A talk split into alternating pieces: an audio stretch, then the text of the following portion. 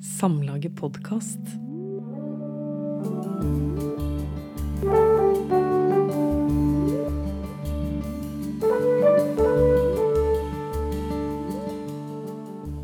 For ti år siden forsøkte Oddvar Vignes å ta sitt eget liv. Selvmordsforsøket kom helt overraskende på kjæreste, venner, kollegaer og familie, men Vignes hadde planlagt det lenge, og natta etter dagen han bestemte seg, så sov han godt for første gang på lang tid. Nå sitter han her med meg og skal spille inn podkast, og mitt første spørsmål er om du har lyst til å leve? Det var et godt spørsmål. Eh, Ja. Eh, Jeg har jo det. Kanskje mer enn eh, Jeg tror du får mer og mer lyst til um, Altså, det har litt med at jeg ble far for et halvt år siden. At du reflekterer rundt livet på en helt annen måte enn hva du gjorde før. Eh, Og at du, ja Når du bare er deg sjøl, så har jeg nok hatt en litt kortere perspektiv eh, på det, men når du blir far, så har du plutselig lyst til å bli kjempegammel. Eh, Og oppleve å se liksom, hva blir det ut av Hva blir det ut av hun? Ja, og Så, uh, det skjønner jeg veldig godt. Jeg fikk jo møte babyen din her i stad. En Ja. nydelig baby. Ja. Og så må jeg bare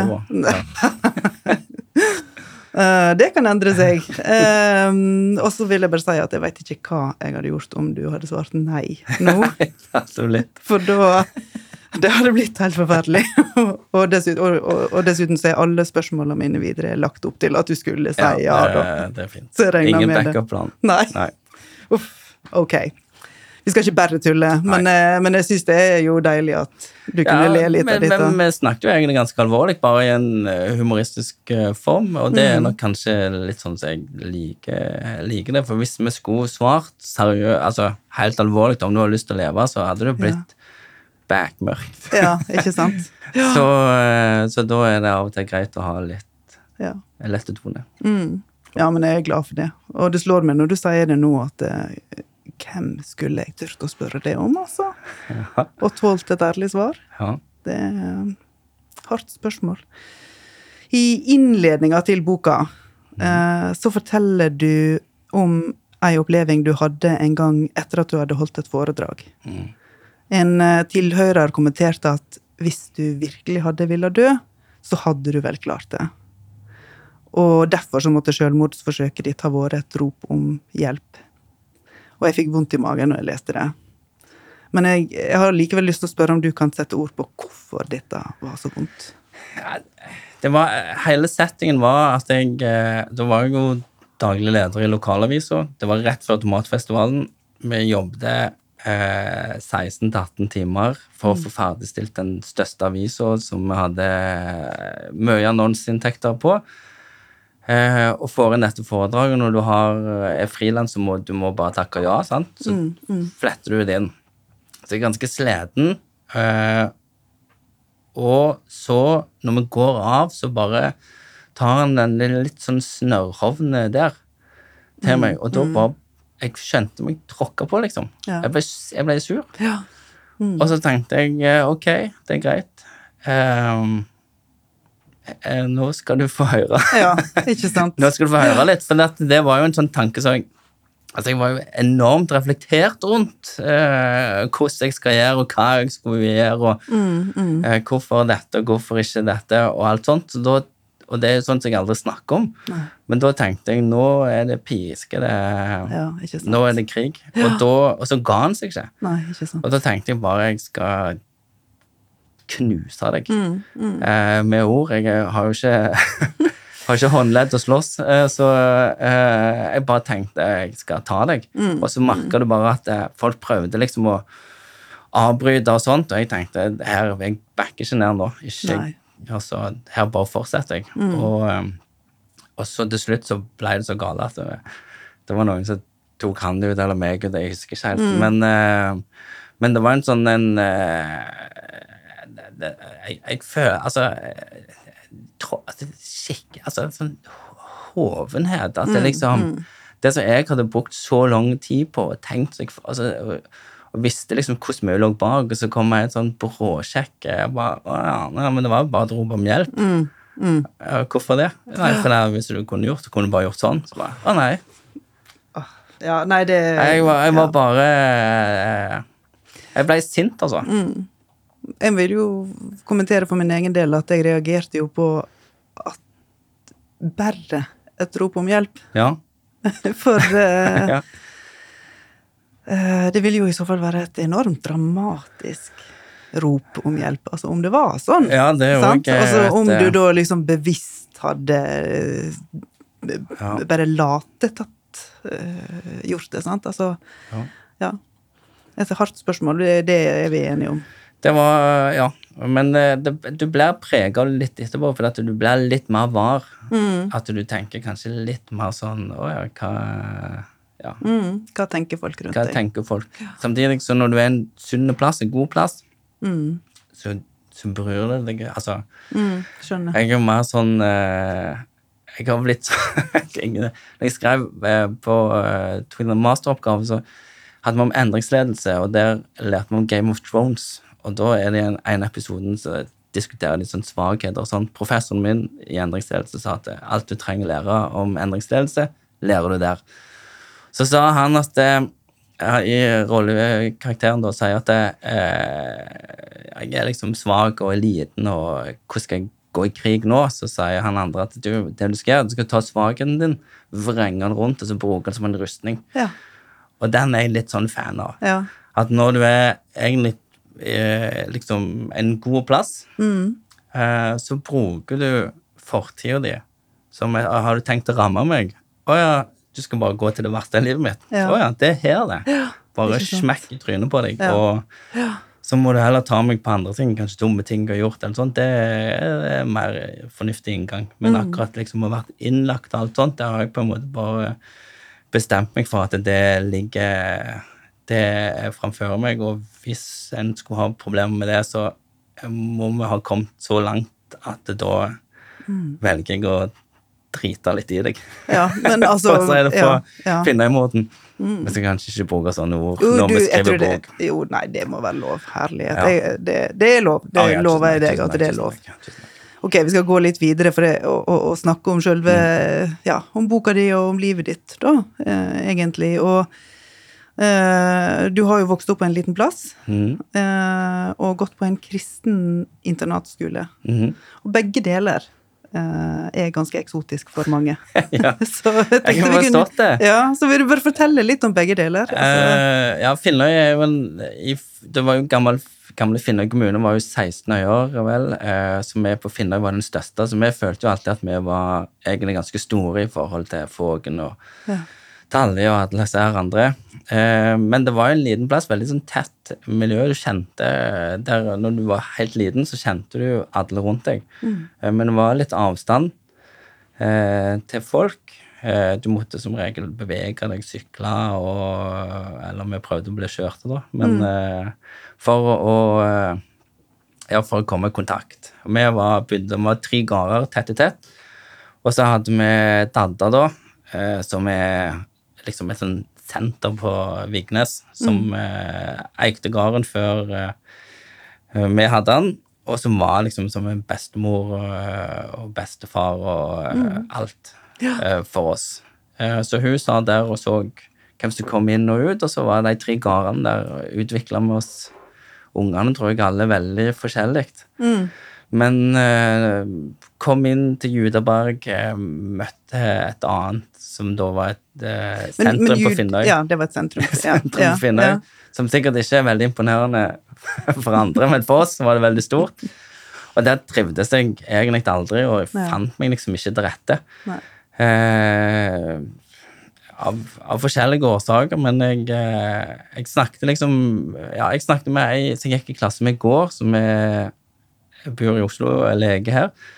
Og hun hadde ganske samme opplevelsen som meg, mens andre så har sagt ja, men det var ikke alle happy og klappe her. Så, så det er Ja. veldig sånn forskjellige opplevelser. Men min var at jeg, jeg passet ikke inn i Mm. den der enten idrettslaget eller bedehuset. Ikke sant. Så jeg, eh, den spagaten der ble veldig vond for meg, for jeg hadde veldig lyst til å gjøre egentlig begge deler. Ja, ja. Og det kunne du ikke gjøre da. Men det er vel kanskje noe med de der små plassene sin dynamikk at uh, det er ikke så mange alternativ. Nei. Det, og det er jo uh, vanskelig, selvfølgelig. Ja, hvis du ikke spilte fotball, for eksempel, så jeg gjorde det, følte jeg redda meg. Mm. Hvis du ikke spilte fotball eller ikke var interessert i motor eller kar og sånt, så var det ikke så mange alternativer. Det er noe helt annet nå. Mm. Eh, på, ja, ja, nå går det jo fort 25, 25 år så ja, det er ikke så mange år siden, men jo, det er jo det. Ja, men, det er jo det. men da var det veldig sånn åpenbart for meg at jeg hadde lyst vekk fra alt dette Begynne begynne helt på nytt. Og da kom onkelen min som hadde vært rektor på den skolen da. Ja, den kristne Eh, internatskolen. Ja. med den som et alternativ, og da bare hoppet jeg på. Var veldig langt vekke fra Finnøy og hadde egentlig ikke noe sånt forhold til Jeg visste jo ikke om noen som skulle gå der. Nei. Eh, Jeg hadde vært der én gang på en eh, sommerleir og bare tenkte at eh, ja, men nå slipper jeg å gå på, på den lokale, Ja, lokale videregående, så da var det bare til å komme seg vekk. Ja. Men altså, eh, jeg bare, bare får stoppe opp litt med det her, Mm. at det var en kristen eh, internatskole. Ja. Men det er ikke sikkert at det egentlig har så masse å si i det hele tatt. Men uh, hvis jeg bare kan få lov å skyte inn i Mm. alle fall, at når jeg las boka, så var jeg nesten litt overraska over hvor mye drikking det var på den her kristne internatskolen. Det tror jeg moren deg òg var. Eh, men det, det var ikke så altså Det var jo litt hvem du gikk med. ja. Særlig i tredje klasse, så Når jeg gikk i tredje klasse, da Ja, da drakk vi en del, altså. Jeg, men ikke nødvendigvis alltid de som jeg gikk mest med, eller sånt, men eh, det var jo Vi var jo 19 år. 18-19 år. Og så var dere jo langt vekke fra foreldrene deres. Ja, det òg. Og så var det at du slutta jo å få en merkning Altså, du fikk jo melding til heimen fram til du er 18. Oh, Når du er 18, så slutter jo de å komme, Ja, sant? ja. så da kunne du egentlig bli utvist uten at noen visste det. Em, ifølge boka så fikk du først alvorlige problemer i overgangen til voksenlivet. Er det rett å si at du vingla litt mellom forskjellige utdanninger og jobber? Uh, ja, jeg var ikke sikker på noen ting. Jeg visste ikke hva jeg skulle gjøre, men jeg måtte, jeg måtte gjøre noe. Så da begynte jeg nok på utdanninger som jeg egentlig ikke hadde noe spesielt lyst til. Jeg burde nok kanskje begynt å jobbe, men det var ikke kultur for det egentlig. Så Eh, da begynte jeg å ta en utdanning, og jeg hadde ingen interesse av å fullføre det, så stryker jeg. Begynner på en ny, eh, fullføre delvis, men jeg syns egentlig ikke det er kjekt, det heller. Og så begynner du på en tredje, som du nesten fullfører, og så på den Ja. fjerde slaget så stryker jeg jo i alt, og da har en fortsatt ikke Jeg hadde liksom skapt meg et bilde av hvem jeg ville være. Så at, eh, Ja. Når du kom til Oslo, at jeg ville være sånn blårøs, gjøre karriere. Eh, tenkte jeg får ikke noe akademisk utdanning, men jeg kan bli god selger. Ja. For Ja. folk sa jo jeg var veldig god snakker, Mm. men så hater jeg jo egentlig Ja, eh, ikke salg. Ja. Eh, Iallfall sånn Ja, eh, uten relasjon med, med altså, må ringe det, det er jeg Åh. Du hater det egentlig, men du vil ha pengene, da, kanskje? Ja, eller en stat At du Ja. Mm. får til noe, da.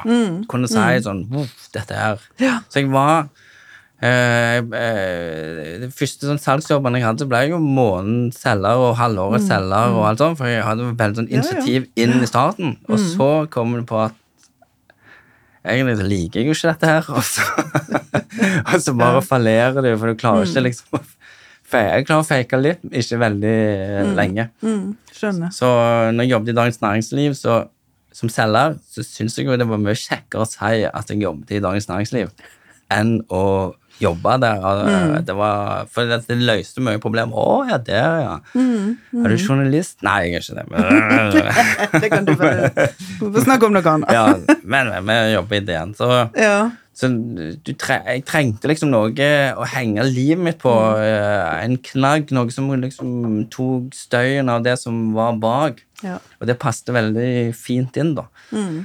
Eh, når jeg fikk de jobbene, selv om jeg eh, ikke likte. Ja, og, eh, og det du sier nå, altså når jeg leser boka og hører på deg, så får jeg jo inntrykk av at du var og er en eh, veldig omgjengelig og morsom fyr, da. Ja. For det meste. For det meste. Og at du, og du hadde venner, og du hadde gode kollegaer, du bodde i lag med kjæresten din, og du var flink til å holde fasaden, Mm. eh, som du nå sier, og gå og at fasaden var jo det der å ha et vellykka liv, og vellykka og velordna og få det til, da. Mm. Men hva var, hva var bak fasaden?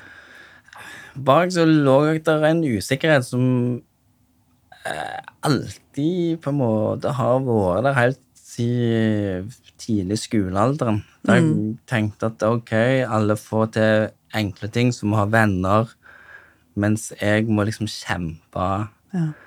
For å være med og høre til noen plass, og så liksom aldri min plass i Ja, jeg så aldri min plass eh, noen gang. Følte meg ganske mislykka. Fikk ikke til det som andre gjorde. Prøvde å være sånn som deg. Fikk det ikke til. Eh, Late som jeg fikk det til. Syns det var Det ble liksom større avstand, og større avstand mellom det som var ute, og det som var inni. Og det ble verre og verre, og Ja. dele det på Altså ja. du lager deg på en, rollefigur, da. Mm. En slags scenefigur, som du av og til slipper av og opp, og som regel bare holder, holde en fasade der du er han løgne. ja, ikke. Eh, han morsomme som alltid takler ting og Mm. vaser vekk og eh, Ja, for, klarer, alltid Mm. klarer seg. Altså, det er som en katt. Alltid lander på beina. Mens egentlig så krasjer du hver gang. Det er bare eh, at du rekker å reise deg opp før noen ser det. Nettopp. Det er et veldig godt bilde. Ja. Uh, og jeg tenkte jo òg på, når jeg leste boka, den leiligheten, hvordan du beskriver leiligheten. Uh, at det var en periode at kjæresten din var bortreist Mm. med, med studier, Mm. og at uh, hvordan leiligheten da begynte å se ut. Og der slapp du jo ingen inn. Mm. At den var jo kanskje et ganske godt bilde på hvordan du hadde det. Vil du beskrive litt hvordan det så ut i leiligheten din? det, var, det var søppel, egentlig. Eh, jeg flytta inn, eh, bare ble buende på stovegulvet. Tok en madrass inn, og der røykte alt. Skifta klær, bare heiv klærne. og Det, det, ble, det var ingen å skjerpe seg for. Mm. Og da eh, fallerer du ganske kraftig, iallfall når jeg var på det stadiet som jeg var før. At det er ikke, jeg er ikke veldig ryddig, det kan min uh, kjære Marie snakke lenge om. Men dette er noe annet, altså. Ja. Der du Du bare gir slipp. Og du slutter å se det som er rundt deg. Og du vet at det er gale. Du vet at dette ikke er bra. Det er ikke bra for deg, det er ikke bra for noen. Men du bare ignorerer det på en måte. Ja. Um, og der um, Ja. Jeg, jeg har sett noen sånne dokumentarer om sånn narkoreier og sånt, og kjent sånn Kan på en måte kjenne meg eh, litt igjen. Ikke at det, det er ikke på samme nivå, altså, men det, den tanken at det som skjer for at det skal skje, Ja. kan jeg eh, kjenne meg igjen i. Og det er ikke noe det er ikke noen gode følelse. Nei. Og- når vi lever oss inn i den leiligheten da, og, og ser for oss et narkoreir og, og, og, og kjenner på det og liksom eh, kanskje sove vekk mesteparten av dagen når en ikke er på jobb og eh, ja. Ja, jeg brukte, jeg brukte energien min på å komme meg på jobb. Ja. Og så sa jeg eh, og vaste meg vekk der. Ofte litt mer sånn drømmeverden, hvordan du tenkte ting kunne bli. Og, ja. og så evna du ikke å ta tak i det. Nei. Eh, og så gikk du hjem, og så måtte du, var du helt utsleden. For det er ganske krevende å opprettholde Ja, opprettholde fasaden. Ja, det er ganske ja. stress, altså. Eh, og til bare Når du har Du lyver deg jo lenger og lenger ut. Du vet ikke helt lenger hva historier som du forteller, som har vært sant. Folk kan fortelle ting til deg som du har sagt, og tenker ah, Hva har kan være? Og så Og så bare Ja, du forsvinner inn i din egen Mm. togheim til til slutt bare forsvinner helt og ikke møter opp på jobb. Og Ja. da går alarmen. Da går alarmen. Da Men du går ville jo unngå at alarmen skulle gå. Ja. Ja. Fordi du Altså, på et tidspunkt i boka så, så skriver du at du bestemmer deg for eh, å avslutte livet. Og som jeg sa i innledningen, det var, etter det var det første gangen på lenge at du fikk sove godt. Mm. Uh, hvorfor? Hvorfor det? Hvorfor det? Fordi du Eller jeg var uh, Du fikk en plan, du fikk en mening. du fikk en hensikt med livet. Eh, og det, er- det er en deilig følelse.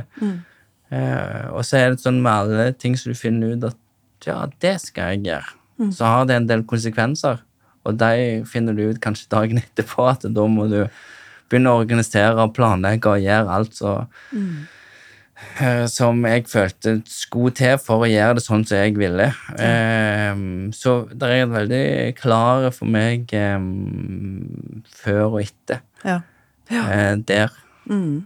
Og da tenker jeg nok at jeg samler jo all kreativiteten, alle evnene jeg har, samler jeg inn i et prosjekt. Gjennomfører det steinbra, Ja. men det er jo helt feil prosjekt. ja. Nettopp. Um, så jeg um, har uh, Ja, jeg har eh, mange sånne gode, gode minner fra den tida. Uh, Ja, mange ja, gode ja. opplevelser. Uh, ting som du opplever så veldig sånn sterkt, for at du vet det siste gang du skal se det, siste gang du opplever ting. Mm.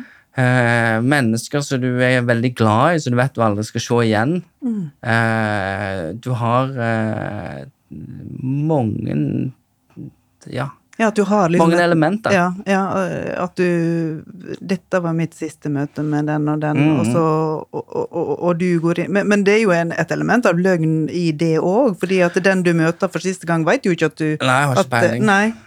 Ja, det er masse løgn. Ja. for at du styrer jo alt inne med løgn, og jeg snakket jo ofte med Jeg hadde jo veldig planer om at jeg skulle flytte tilbake til Stavanger den høsten, og drog det ut på jobb, for det ble etter august. og og snakket med deg på jobb, fant ut hvem som kanskje kunne ta porteføljen min når jeg skulle flytte. Altså, Ja, at du, du lever deg inn i en sånn eh, Du må bare holde det flytende, da. Mm, mm. Eh, Ja, så, så det at du skulle flytte til Stavanger, var på en måte dekkhistorien din, da? Ja, det, Ja. det er en dekkhistorie. Ja. Og nå er det Facebook-minnene eh, har jo kommet opp igjen, så nå er det jo august igjen. Som jeg, og da ser jeg det det glade ja.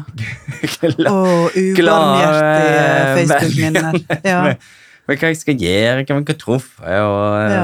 eh, det er en eh, det, det er helt sjukt, altså. Ja, men du hadde jo da, altså eh, Du skriver jo både om hvordan du planlegger eh, at det skal være minst mulig vondt for de som finner deg, og det skal være minst mulig vondt for familien din. Du skriver at eh, så kan de etter en tre-fire dager gå videre i livet sitt. Og det må du jo ha trodd på, da. At du Mm. skulle liksom klare å organisere dette på en så rein og grei måte at det skulle slutte å være vondt etter en tre-fire dager for de etterlatte. Altså, at du, at du tok At du prøvde så godt du kunne å, å ta så mange hensyn.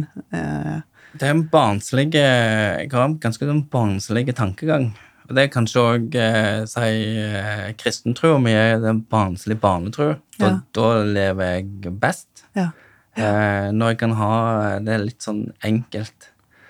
Eh, og det tror jeg ja, Det tror jeg eh, Når en ser på de store tingene og de store avgjørelsene jeg tar, Mm, hvordan enkelt jeg, jeg tenker veldig enkelt, og mm, mm. i en drømmeverden så Ja. ser du at eh, når, når du tenker konsekvensene, hvordan det hadde vært, så er det jo Ja. så brutalt. Ja. ja. Mens i hodet mitt så var det helt på grensa til koselig. Ikke sant. Ja. for at eh, når alle fikk innsikten, nå, så ville de forstå, og da måtte det gå sånn og sånn. Og så har Mm. du du har ting som kommer ut fra sida, inn fra sida, men det, det er fullt tunnelsyn. Ja. Det er ingenting som slipper inn der av Mm. hverken gode eller dårlige, dårlige ting. Mm, Du er veldig fokusert og bevisst og har en sånn Ja. ja. Jeg beskrevet den siste kvelden min som en veldig sånn fin, koselig kveld med istid og selvmordsbrev og eh, Ja, istid på TV. Sant? Ja. Ja, ja. ehm, og det var for jeg var jo i veldig godt humør.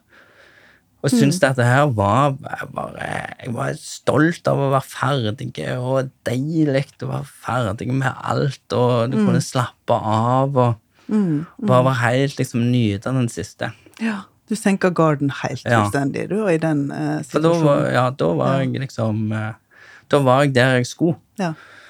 Og så er igjen virkeligheten helt annen. Mm. Men hadde du kommet inn i det rommet, så hadde du tenkt at uh, her er en litt rar voksen mann som liker tegnefilm. Ja, ja, og som skriver på en Mac.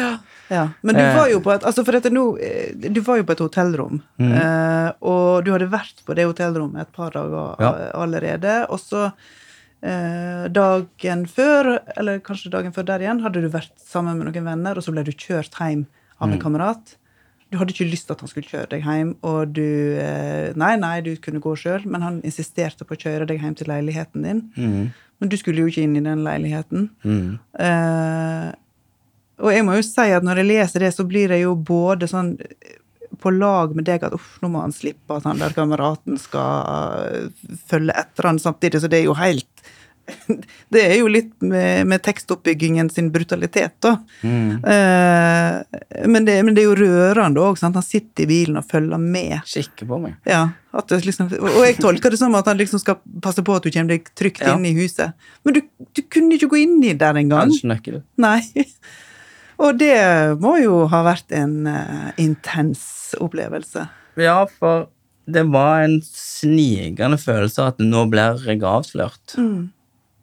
I en eller annen form. Og jeg hadde garantert klart å løke meg eh, vekk fra det. Men han her er en sånn som skal hjelpe deg, så det hadde blitt enormt mye stress hvis jeg skulle eh, blitt etterlatt. Han ville kjørt meg ned der og funnet låses med, og han hadde sikkert mm, eh, Mm, Og og, hvis og da bare ja. kjente jeg den der angsten for at å nei, shit. Ja.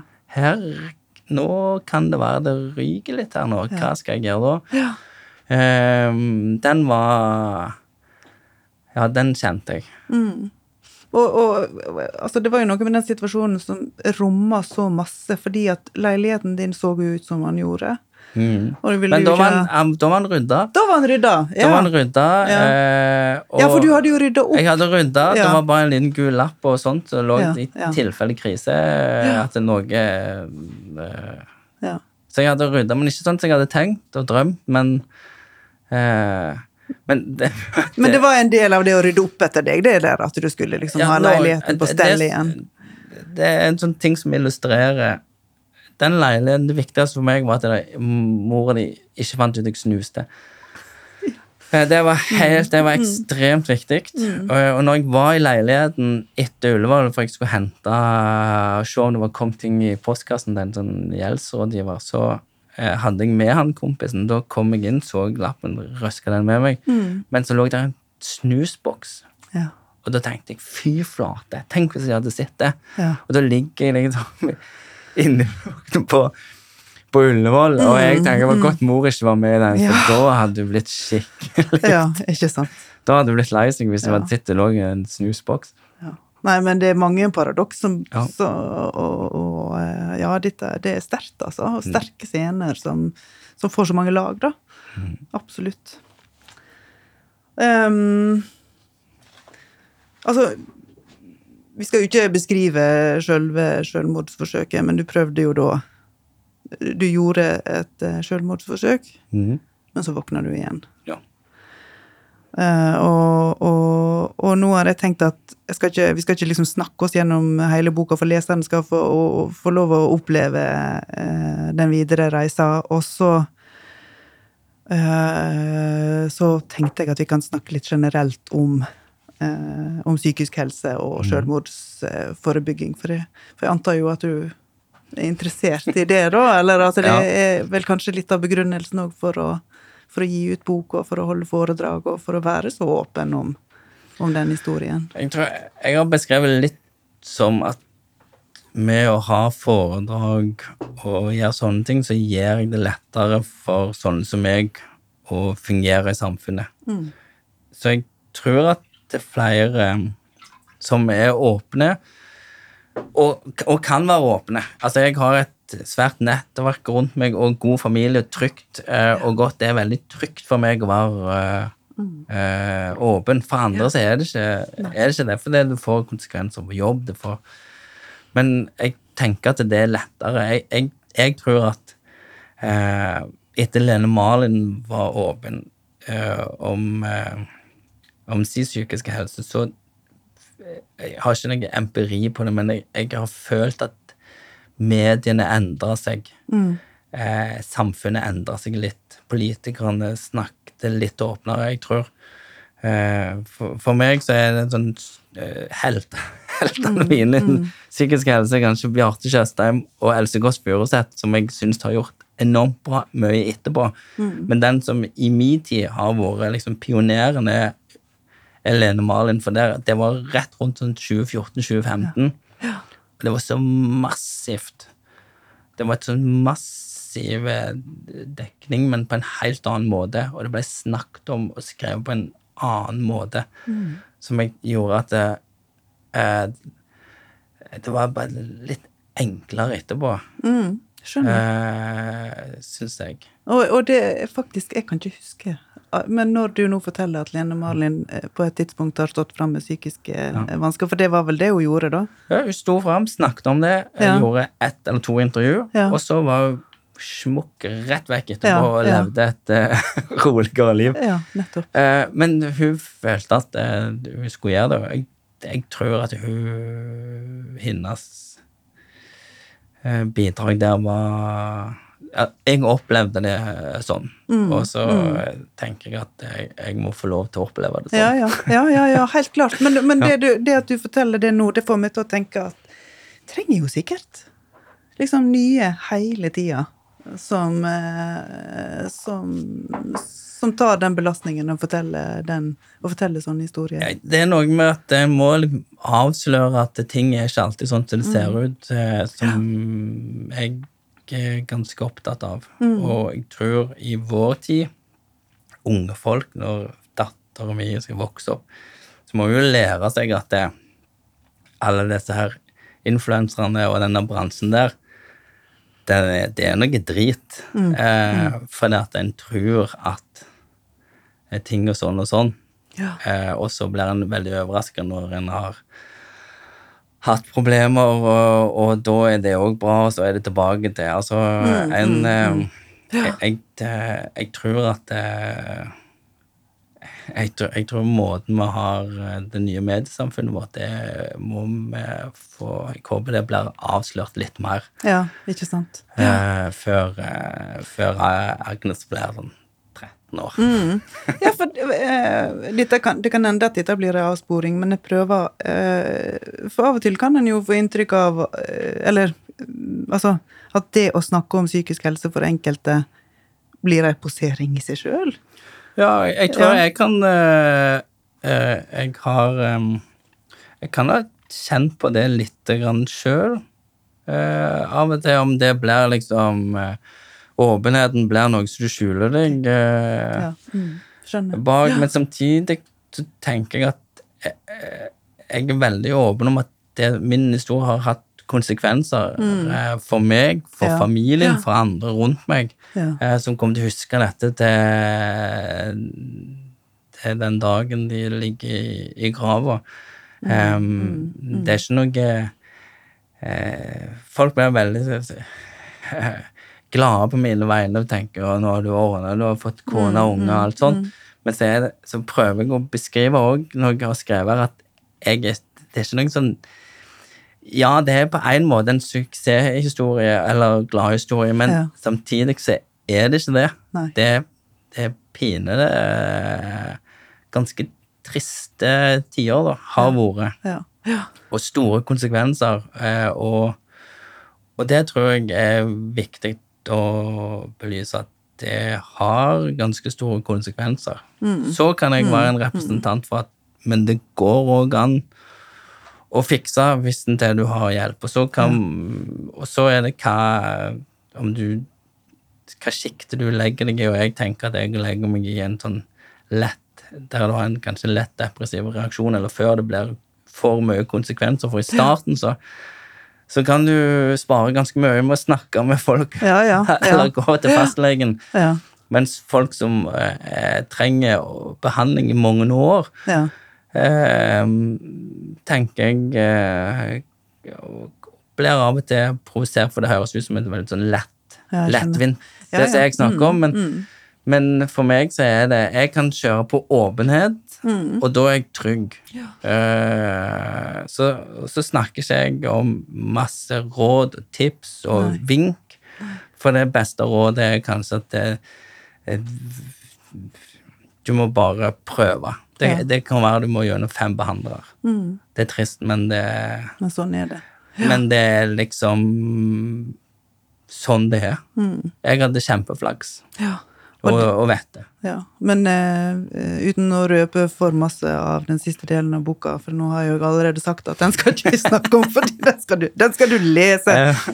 Men, eh, men at jeg syns jo at det er en styrke at du beskriver at det òg er en lang og seig kamp. Det er ikke sånn at det å ha prøvd å ta livet av seg, og så likevel våkne, da er du redda fordi du overlevde. mm, Det er masse arbeid igjen å gjøre da. ja. Um, Kanskje noe er at arbeidet gjenstår alltid. Det er alt, du har alltid valg eh, om å gå i samme fellen som før.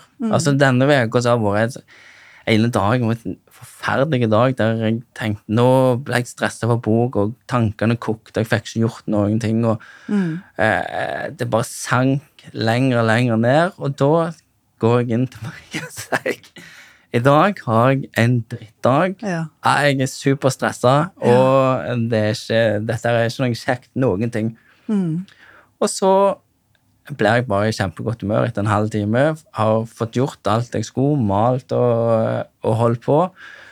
Men jeg fikk sagt Mm. eh, hva jeg skulle. Så er ikke det noen sånne store ting, men forskjellen var for før at jeg tok den følelsen, da, den frustrasjonen, den bare gjemte jeg til på en måte lagrende en plass, og så gikk jeg videre. Og så er det jo alle disse her dagene der du har følt deg mislykka eller sur, eller som, eh, som tårner seg opp, og som eh, til slutt velter lasset uten at det der er én eh, bestemt del som, eh, som er viktigere enn andre, egentlig.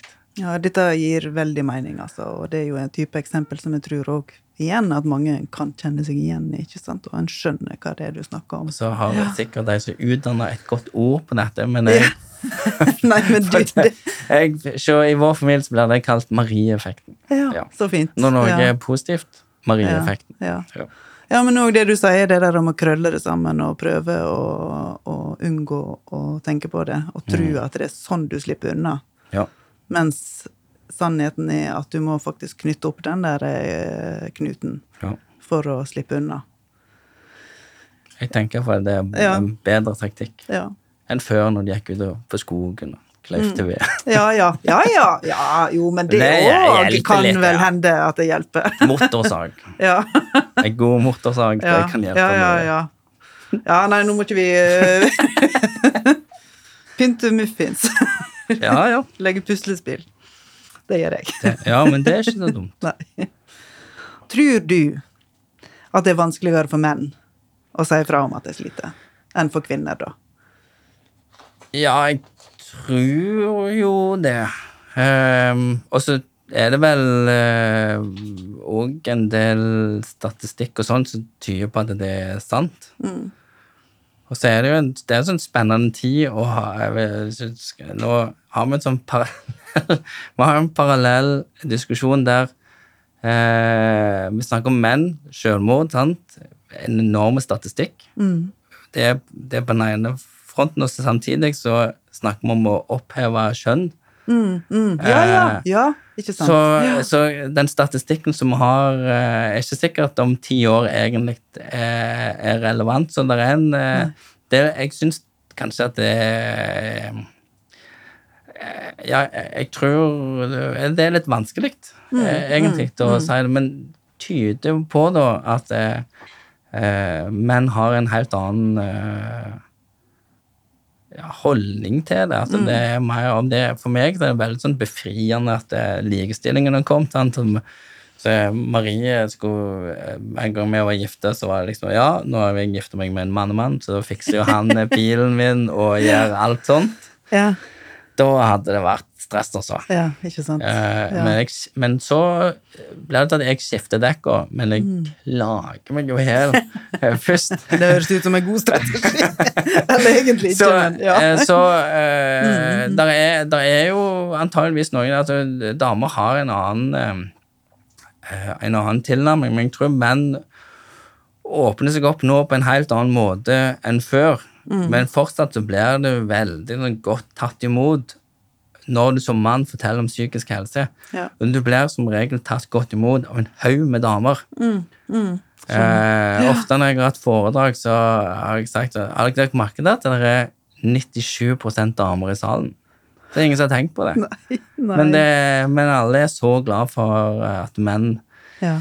Åpner seg og snakke og alt Ja, sånt, ja. men på en del foredrag sånt, så er det vanskeligere. Ja. Så jeg, jeg tror nok at må, som samfunn òg, må jobbe litt med forventningene og, og sånt. Og så er Mm. det kanskje lett for meg å si at det er deilig, det er deilig at det, det, likestillingen kom, mens for andre, ofte på bygda, sier hva er den nye mannsrollen? Mm. Før så visste jeg jo, da tok jeg jo ansvar, var noen, men nå bare flyter det rundt Ja, i drit. Jeg, Ja.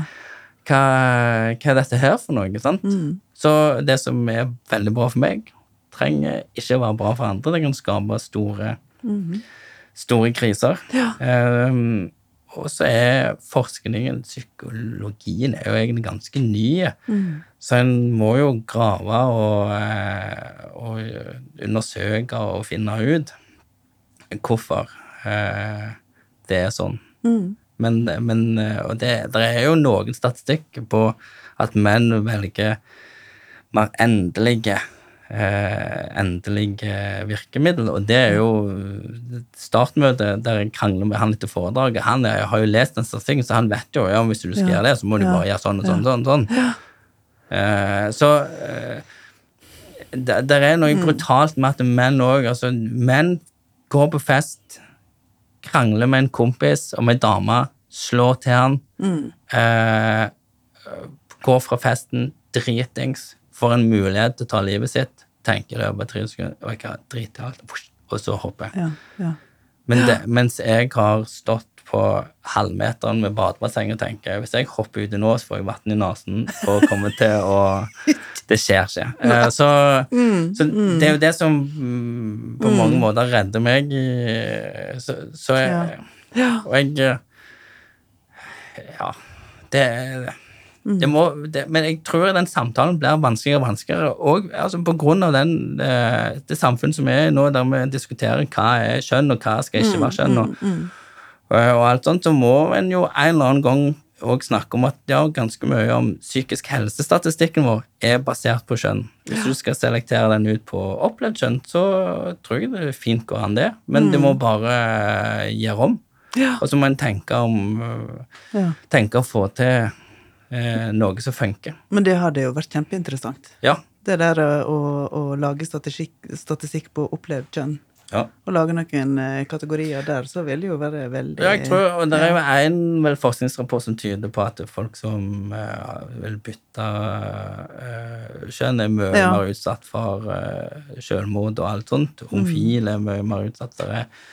så det er jo uh, det er, er veldig mange statistikker, og, men summa summarum så er det jo at det er for mange folk Ja. som tar livet sitt, og at konsekvensene rundt dette her er, det er så stort og massivt Ja. at det er egentlig nitrist at vi, vi er der. Så, men så er det gode folk som prøver å ha løsninger og, og, Ja. og gjør, men uansett hva en driver på med i, i samfunnet, så vet du at det, det som er lettest å kutte ut, det er det som ikke er lovpålagt, og det som er forebyggende. Mm. For det kan du ikke måle. Nei. Kanskje ha en KPI på, eh, på det. Eh, Hvis du etablerer trygghet i en barnehage, har det noe å si for seinere? Altså, eh, ja, ja, men den Svaret er ja. kostnaden ja, kostnaden tar vi om 20 år. Sant? ikke Altså. Mm. ehm, Ja. det, det du ja, det du er avhengig av, er at det er folk som er tilgjengelige, som kan hjelpe. Og dessverre Mm. så, så har jeg opplevd eh, folk som jeg kjenner, og som jeg har snakket med, som har blitt møtt med at det er ikke plass til deg her, Ja, ja. og så tar de livet sitt eh, rett etterpå. Ja, det er jo sånne historier som vi òg stadig faktisk Det er leser om og, mange. og hører om. og da ja. tenker jeg at det der er noe å lære, da, da, og da får alle liksom sånn hands opp, altså de, hendene opp i, med pårørende, er rasende, Mm. forstår det kjempegodt. Helsevesenet er bare sånn Nei, men vi har krysset av på der og der, Ja. så vi kanskje gjør noe, noe som gjør at pårørende blir enda mer rasende. I stedet for at det er Altså, løsningen må jo ligge i, i samtaler der. Eh, og det er en læringsprosess. Ja. Eh, og jeg tipper at det, eh, hvis en skal komme videre, så må liksom eh, En må ha ærligere samtaler Ja. innen helsevesenet. Ikke, ikke komme dragende med taushetsplikter og, eh, og, og alt dette her, men at en snakker, snakker ærlig om livet, da. ja. Og du Så er jo skikkelig, ja, ikke eh, sant? skikkelig om det, og at det, jeg, jeg tror pårørende har godt av å høre at jeg forstår at hvis du Når jeg ble innlagt på Ullevål, at det føltes veldig trygt for mor og deg. Mm, Men samtidig vet jeg at det, det hadde ikke vært noe problem for meg å tatt livet av meg på lukka avdeling. Akkurat. Ja. Eh, det er brutalt, Ja. men det er sånn er livet. Ja, og hvis du skal sørge for at ingen skal ta livet av seg, så er det veldig enkelt. Det er bare til å dope dem ned da, og låse dem fast. ja. Men så vil vi ikke ha det samfunnet Nei, heller. Nei. Nei. Så da, eh, da får du sånne debatter som er egentlig forferdelige, men som jeg tror en kan ta, eh, og da må partipolitikk vekk. En kan ikke si ja, men nå, du sa at regjeringsjord, Ja, sånn, ja, men jeg sa at regjeringsjord. Altså, alt det der, du må eh, Du må vekk eh, fra det, og så Mm. finne eh, et eller annet fellesskap, da. Og jeg, Ja. jeg tror det er et fellesskap mellom helsevesenet og pårørende og pasienter, der alle har jo faktisk den intensjonen Mm. Ja. om at vi vil at folk skal overleve, Ja, komme seg videre, få gode liv. Mm. Eh, det er jo intensjonen. Og så er det av og til at det er ting som gjør at det er vanskelig å fylle det. Ja. Og da må en kunne ta et oppgjør med det uten at det går prestisje eller Ja. ja. Ehm, det er jo Altså eh, Det er ganske brutalt å være i helsevesenet. Jeg har stor sympati eh, med de som, jobber der, og jeg har stor sympati med de som eh, må ta ansvar. Ha store løsninger som du vet ikke favner alle. Og så har jeg aller mest sympati uansett med de pårørende. ja. Akkurat. Eh, For at de har ikke kontroll på noen ting. Nei. De vet ikke hva jeg tenker. Nei. De vet ikke hva legen tenker. Nei. De er egentlig bare prisgitt at, de, At det fungerer, at det fungerer, da. Ja. håper at det går bra. og Ja. sånt. Så jeg, eh, Mm. de har jeg eh, enormt eh, Ja, enormt med omtanke for. Mm. Jeg, altså, jeg tenker jo at pasient er vanskelig, men jeg personlig, ikke generelt, personlig alltid ville jeg vært pasient, ikke Ikke pårørende. pårørende. Ja, det er Fordi at det er Når, når jeg var sjuk òg, jeg, visste jo hva jeg tenkte i hodet mitt, selv om det var mm, Men var ikke hadde alltid ja. Så jeg trengte ikke den Jeg hadde ikke den usikkerheten. Ikke på, det, ikke på det. Jeg var usikker på hva som skulle skje, og sånt, men akkurat hva jeg skulle gjøre det neste minuttet, det visste jeg. Ja, det visste ikke mor og far. Nei. Nei. Det er sterkt at du sier det, altså. Det må jeg si. Det gjør veldig inntrykk. Sjøl om eh, det på en måte føles som et uløselig problem, da. Sant? Altså sånn som du legger det fram nå, og hvor eh, eh, Ja, hvor lang veien er å gå for å ha den tryggheten i helsevesenet for at vi skal redde livet til eh, de som er i livsfare av dårlig psykisk helse.